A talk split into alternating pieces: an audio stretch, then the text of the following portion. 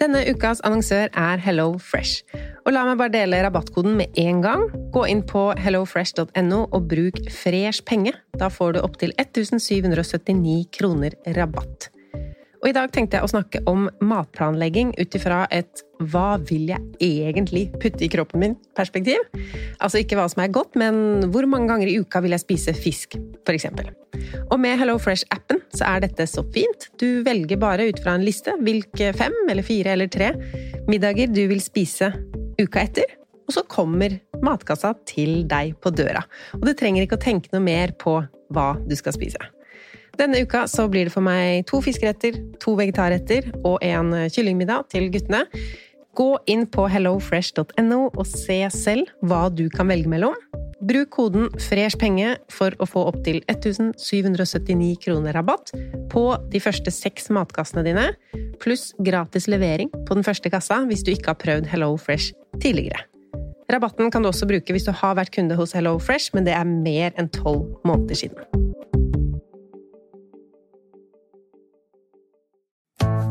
Har du et enkeltpersonforetak eller en liten bedrift?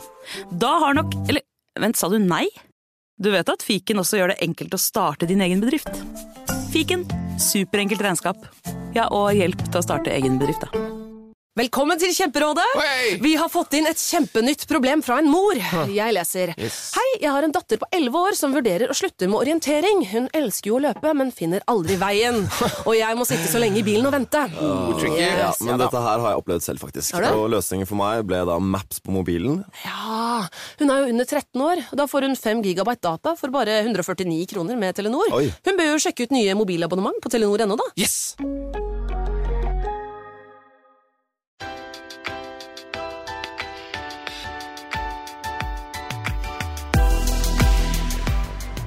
Velkommen høst, sensommer, eh, og velkommen til Pengesnakk. Kult at du er her igjen og hører på etter en lang sommerpause. Jeg heter Lise, og nå er det på tide å sørge for at ting går i riktig retning, og økonomien er jo så klart en del av det. Jeg skal ikke si noe om våre feriekostnader eller noe. Jeg har sikkert lyst til også å se på ferieforbruk og lage en halvtårsoppsummering på inntekt, sparing og forbruk i min familie, så det kommer. Men akkurat nå vet jeg ikke hvordan jeg har hatt det i sommer engang, fordi jeg spilte inn denne episoden i juni. Det er tid for del to av spørsmål- og svarrunden vi holdt på med før ferien. Det første spørsmålet er litt langt, men la meg lese det. Grunnet inspirasjon fra deg og andre klarer familien nå å sette av 8000 kroner per måned grunnet lavere forbruk på mat, bil, klær, selge hundre osv. Hva bør man gjøre med de pengene? Vi tenker så langt å investere halvparten i et globalt indeksfond, og den andre halvparten på en god høyrentekonto for buffer og sikker sparing til tenåringene våre som en dag skal inn på boligmarkedet. Men er det ikke egentlig lurt å i tillegg betale inn noen tusenlapper ekstra per måned på vårt boliglån? Et lån på 3–4 millioner over 20 år vil vel få en del kortere betalingstid ved å betale eksempel 2000 kroner ekstra fast per måned i årene framover. Bra spørsmål, takk for at dere sendte inn det. Det første jeg må si er for en deilig situasjon å være i. Å ha ekstra penger man lurer på hva man skal gjøre med. Dere har vært så flinke, og da mener ikke jeg, når jeg sier det, at alle som ikke har 8000 til overs i en familie med to voksne, eller 4000 til overs som man er igjen, ikke er flinke. Vi har ulike utgangspunkt, men jeg går ikke med på at eh, denne familien bare er heldige med sin situasjon. Det er utrolig enkelt å øke månedlige kostnader med 8000. Det høres mye ut, men tenk så mye som det går an å kjøpe. En ny bil til denne familien og litt ekstra forbruk, så er det hele overskuddet. Men her er det en familie som har gått ned på forbruk på mange ting. Og det er utrolig bra jobba. Nyt det overskuddet og tryggheten det gir dere å ha stor buffer og sparepenger. Nå er ikke jeg noen rådgiver, og jeg kjenner ikke hele deres situasjon, og jeg kan heller ingenting om økonomistyring på papiret. Eh, Og så vet jeg heller ikke hvilken retning verden og økonomien går, men jeg har lyst til å dele noen tanker med dere. Og dere har jo allerede kommet med gode forslag. Å investere halvparten i et globalt indeksfond, og ha den andre halvparten på en høyrentekonto som buffer og sikker sparing. Aksjefond Indeksfond er en type aksjefond. De svinger i verdi.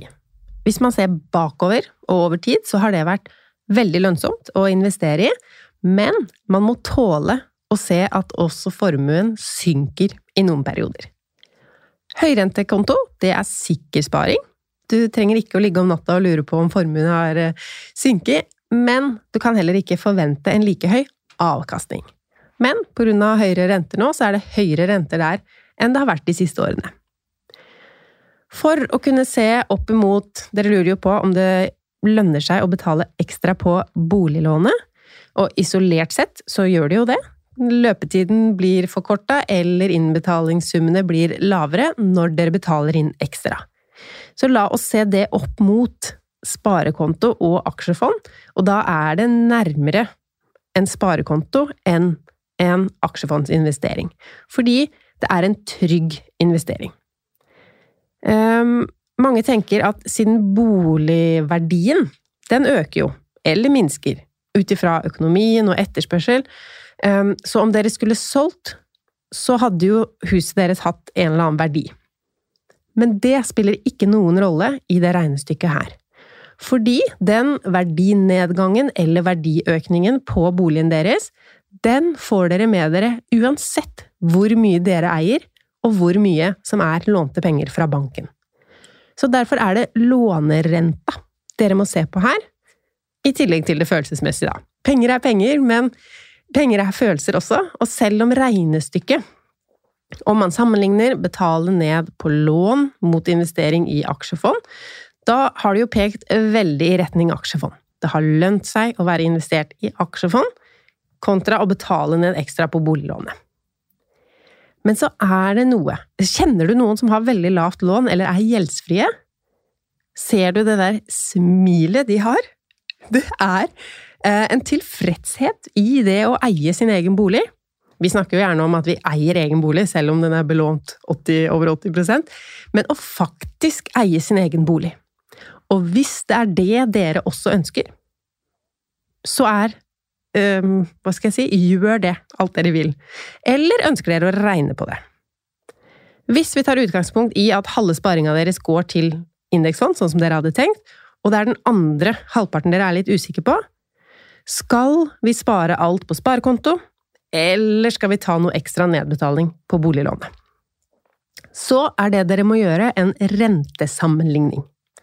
For som dere sier selv, betaler dere raskere ned på lån, så blir totalkostnaden lavere.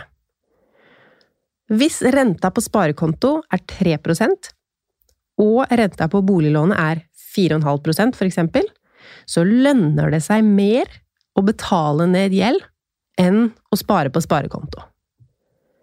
Men sparekonto skulle jo være buffer, penger til ungdommene deres etter hvert, så sørg iallfall for at bufferen er sånn som dere ønsker den, før dere skrur opp innbetalingen på boliglånet. Det som er litt jokeren her, da, er jo at vi ikke aner hva slags avkastning aksjemarkedet vil gi. De fleste regner med at det er over det du betaler i boliglånsrente, for sånn har det vært historisk, og det taler jo for å heller investere mer enn å betale ned på lånet.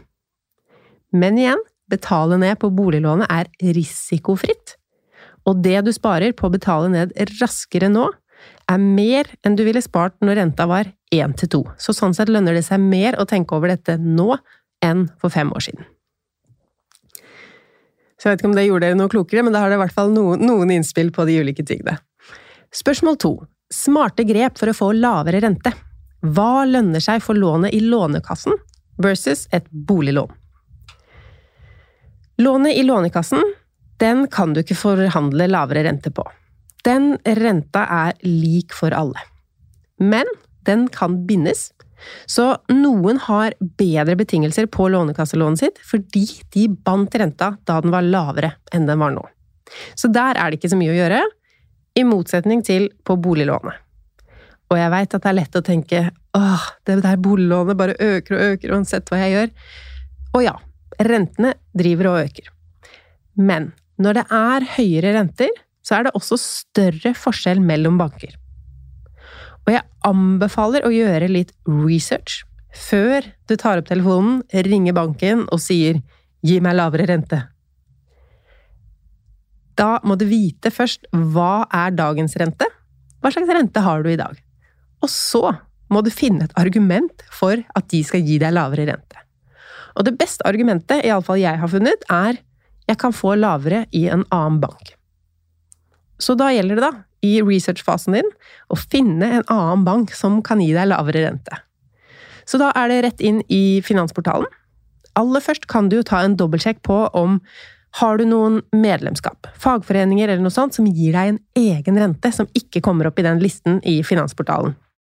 Ellers starter du øverst på lista i Finansportalen etter du har lagt inn lånesum og sånn, så ser du om kvalifiserer du for å få det lånet med desidert lavest rente.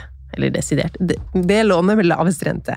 For det kan være litt ulike krav der. Det kan være noen sånne grønne boligkrav, det kan være på alder, eller det kan være på bosted.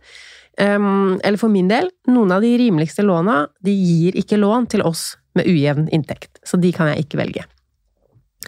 Så skriver du ned den laveste renta du faktisk kan få, og så er ikke den lista alltid helt oppdatert, så trykk inn på den banken med den laveste renta og se eh, hva setter de opp til. Står det allerede noe informasjon om hvilken rente som er gjeldende, om du skulle bytte av nå? Så kan du gjøre deg klar til å ringe eller chatte med banken din. Og sier de da at de ikke kan matche denne renta for deg, og det er en ordentlig forskjell, så er det bare å bytte, da. Tredje tema i dag handler om lånekasselånet igjen. Innsender skriver selv om det er gode vilkår og rente, så er studielån et forbrukslån fra staten som det var befriende å bli kvitt. Endelig nedbetalt kaffe og bøker fra 2010. Tanker? Spørsmålstegn. Og der er litt den samme greia som jeg var inne på med de som har nedbetalt boliglånet. Den følelsen. Befriende å bli kvitt. Um, og de tankene der har jeg så tenkt selv. Uh, helt i starten av blogginga mi så skrev jeg om denne uh, nedbetalings... Uh, den siden inne på Lånekassen hvor du kan se hva du sparer på å betale inn mer og sånn. Endre nedbetalingsplan. Um, så jeg har jo snakka om det der. Kanskje ikke kaffe og bøker, men øl og bøker fra um, den tiden. Jeg skjønner deg utrolig godt. Det er en irrasjonell økonomisk avgjørelse som jeg hadde tatt i høst. Hvis jeg ikke hadde hatt et så dyrt oppussingsprosjekt, så hadde jeg gjort det samme. Ja, jeg tjener nok mer hvis jeg investerer de samme kronene i fond. Og ja, jeg tjener nok, eller sparer da, mer på å betale ned boliglånet. Men følelsen vi er tilbake her. Og også litt minimalisten i meg. Hvor lenge skal jeg drive og inkludere dette lånet når jeg skal se over økonomien min? Én ting mindre, ikke sant? Hvis du bruker pengene på noe som er mer lønnsomt, er det økonomisk lurt ikke bare å beholde lånekasselånet, men å utsette innbetalinger for å heller gjøre det som er mer lønnsomt. Eh, og ja, det blir dyrere lånekasselån på sikt, men hvis du da tjener mer på å ha penger på høyrentekonto eller noe sånt, så er det gevinst til deg. Bare husk på før du begynner med de utsettelsene, de kan du jo få behov for senere i livet, og da er det dumt å ha brukt dem opp for å maksimere profitt nå. Kanskje. Jeg har ikke brukt mine utsettelser, jeg liker følelsen av å betale ned på det lånet, samme hvor gode argumentene er for å beholde, eh, men jeg har enn så lenge klart å holde meg unna å betale ned hele. Igjen, livet er ikke bare regnestykker. Blir deilig å ikke ha det lille lånet engang, og du bestemmer om du vil betale ned ditt. Om så Altså, man må nesten være litt tøff, vil jeg påstå, fordi alle sier det lønner seg å beholde dette lånet så lenge som mulig. Og alle som sier det, trenger du faktisk ikke å høre på. Det er mer økonomisk å betale ned på et lån enn å kjøpe seg fem par nye sko og dra på spa. Du velger hva du vil bruke dine penger på. Og jeg heier på deg uansett, så lenge det er et bevisst valg du har gjort. At du ikke har tenkt 'det her tjener jeg så innmari mye på', jeg ser jo det på renten her, uten å tenke på 'ja, du kunne jo fått enda mer overskudd av investering eller betale ned på boliglån eller noe annet'. Å beholde det for å beholde det, det er ikke noe poeng. Så skal jeg si det en siste gang? Det er bare bra å ha dette lånet, sammenligna med alternativer som er mer lønnsomme. Det er ikke bra i seg selv å ha et lån. Ok, Neste spørsmål er interessant, for deg med barn spesielt. Eh, innsender sier 'Hvordan spare på barneklær'. Bruker nå ca. 22 000 per år. Jeg har en gutt på åtte og en jente på seks. Og først når jeg fikk det spørsmålet her, så tenkte jeg det er ikke mulig å bruke så mye. Eh, men så satte jeg opp hva barn trenger. Og nå regner jeg med at gutten og jenten treng, jenta trenger ca. det samme her. Undertøy tolv sett. Sokker og strømper, tolv sett. Dette fant jeg på nettet, altså. Eh, så vet ikke hvor mange par sokker og undertøy eh, dere tenker er riktig for et barn, men dette er i hvert fall et snitt av alt. Åtte bukser, åtte T-skjorter, seks gensere, tre jakker, en vinter, eh, ja, vinterdress eller sånn til 1500 kroner, sko bare ett par sko. Ja. Sko 550 kroner, støvler 750, joggesko 550, sandaler 350. Ja, nå leste jeg ikke prisene på det øverste, men totalt så blir dette her 15 000 kroner per barn. 30 000 kroner for begge. Så den summen på 22 000, den var ikke noe unikt stor. Hvis det er barn som nettopp har vokst og trenger Alta i den størrelsen. Så la oss finne på noen ting for å klare å redusere den summen. For barna trenger jo fortsatt klærne. Eller, jeg tar det som punkt én her, går det an å redusere mengden? For det ville vært det første jeg ville sett på. Å kun skaffe ting når det reelle behovet melder seg. Og så kan du glemme alt av butikker, på nett og fysisk, en stund. For ved å være med på den miljødugnaden det er å bruke plagg som allerede er kjøpt en gang, ikke bare miljødugnaden, det er også arbeiderrettigheter i land som produserer alle de billige klærne våre, i tillegg til det så kan du spare helt vanvittig mye penger. Vanvittig. Du kan spare veldig mye vannforbruk òg, faktisk. Så mange gode grunner til å ikke kjøpe nye klær til eh, barna dine. Så hva skal vi gjøre da, når de trenger klær? Du kan arrangere din egen arve- og byttefest. Invitere foreldre som har barn i litt ulike aldre og størrelser, er lurt. Hvis du sant, inviterer barselgruppa til seksåringen Eh, alle har et barn på ca. én meter eh, og skal gi bort småtøy. Det sier seg selv, det går ikke. Det må være noen der til å ta imot småtøy også. Kanskje noen med en attpåklatt som har store klær å kvitte seg med og vil ha små klær. Det kan bli veldig hyggelig og gøy, i tillegg til at dere alle sparer penger på klesinnkjøp.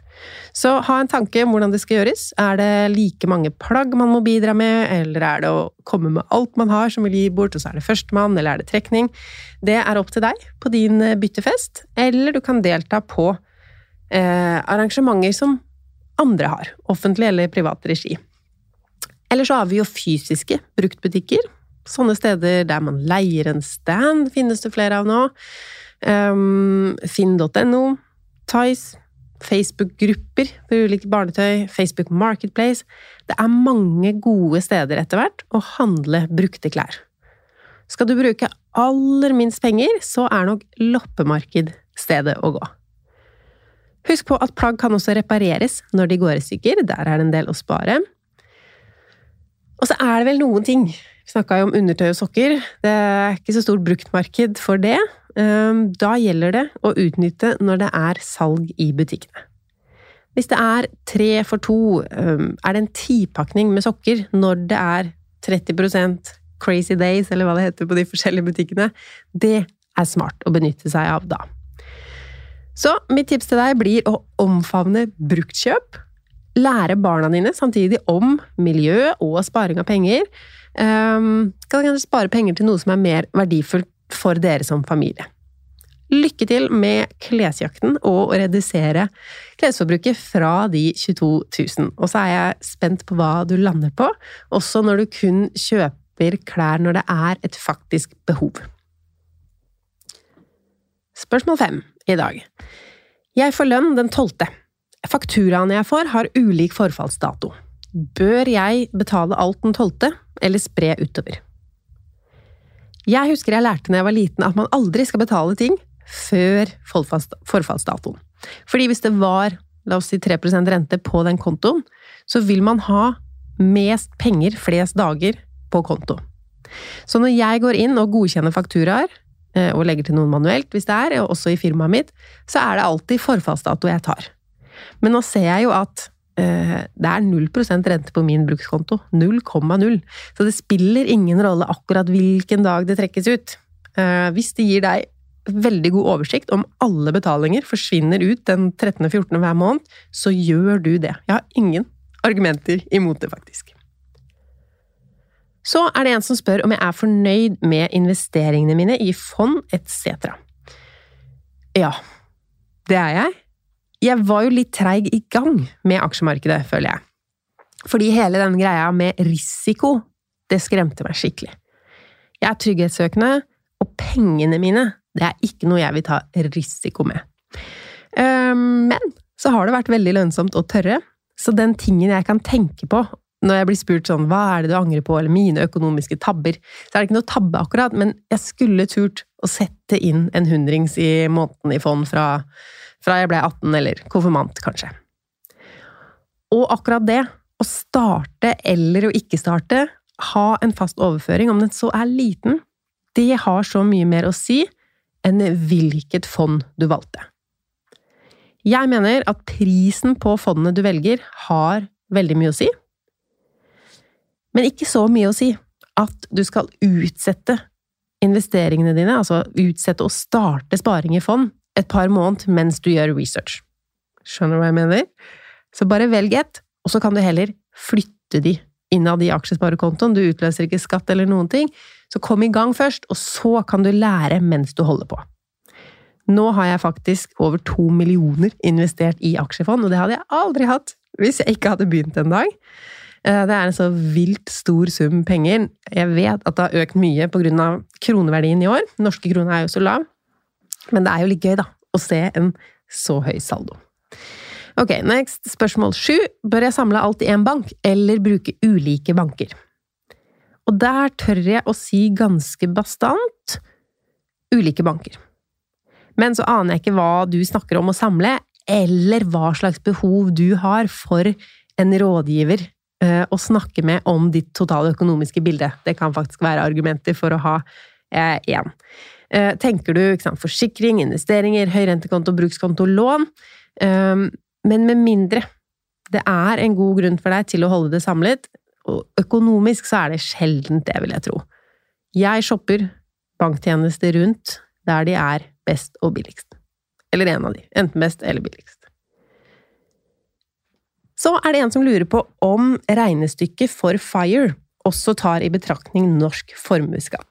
Og da må jeg bare først si hva FIRE er. Jeg regner med mange som hører på Pengesnakk-podkast er godt innsatt i økonomisk eh, uavhengighet, og FIRE, som altså står for Financial Independence Retire Early.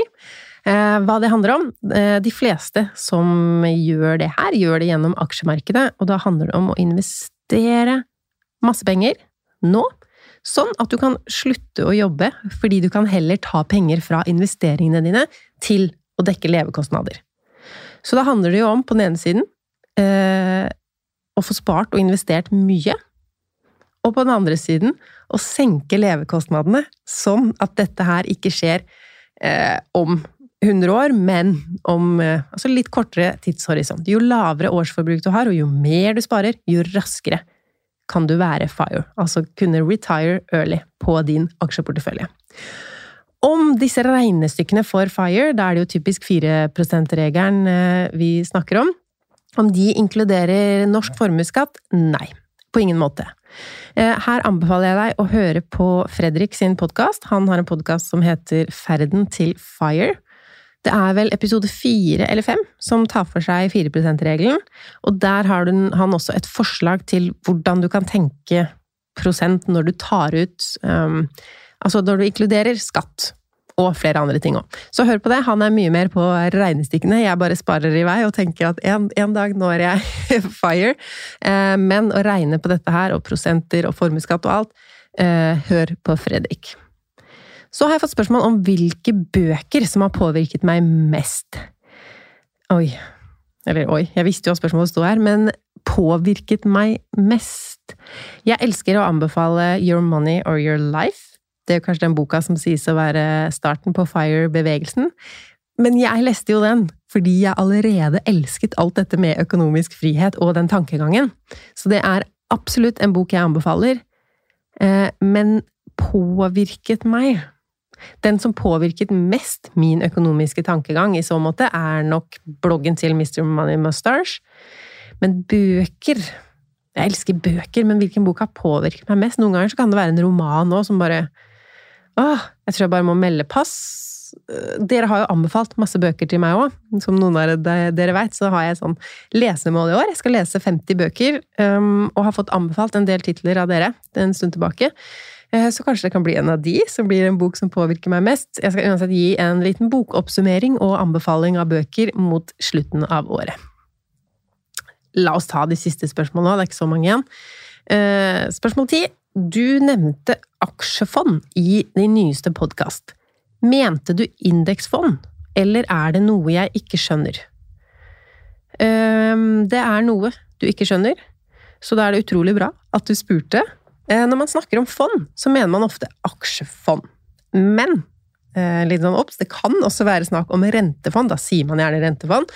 Ehm, eller det kan være et kombinasjonsfond, som er både aksjer og obligasjoner inni samme fond.